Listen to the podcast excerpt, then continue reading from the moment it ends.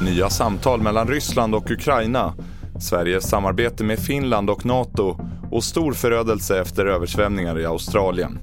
Det är rubrikerna från TV4 Nyheterna. De nya samtalen mellan Ryssland och Ukraina har nu inletts. Inför mötet säger ryska talespersonen Dmitrij Peskov till Reuters att landet är berett att stoppa sin offensiv om Ukraina bland annat går med på att erkänna Krim som en del av Ryssland samt att utbrytarregionerna Donetsk och Luhansk i östra Ukraina blir formellt erkända. Mer om den här utvecklingen på tv4.se. Försvarsminister Peter Hultqvist träffade i helgen sin finska motsvarighet i Helsingfors och säger nu att man ska öka samarbetet både med Finland och Nato.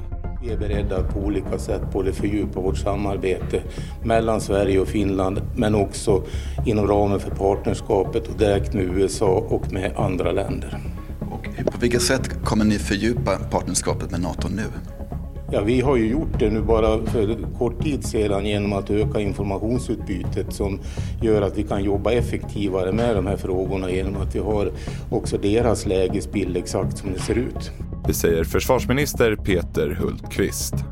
I delstaten New South Wales i Australien har 200 000 beordrats att lämna sina hem efter den senaste veckans kraftiga översvämningar. Sabina Schmid och hennes familj är en av dem som tvingades fly från sitt hus när vattenmassorna vällde in. Tusen hus som inte kan bli bebodda, bara i Lismore. Det är människor som har liksom suttit på tak i två, tre dagar utan vatten. Alltså det är en jättestor naturkatastrof. Vi har förlorat precis allting. Migrationsverket bekräftar nu att ett angrepp utifrån var anledningen till att deras webbsida låg nere under torsdagen förra veckan.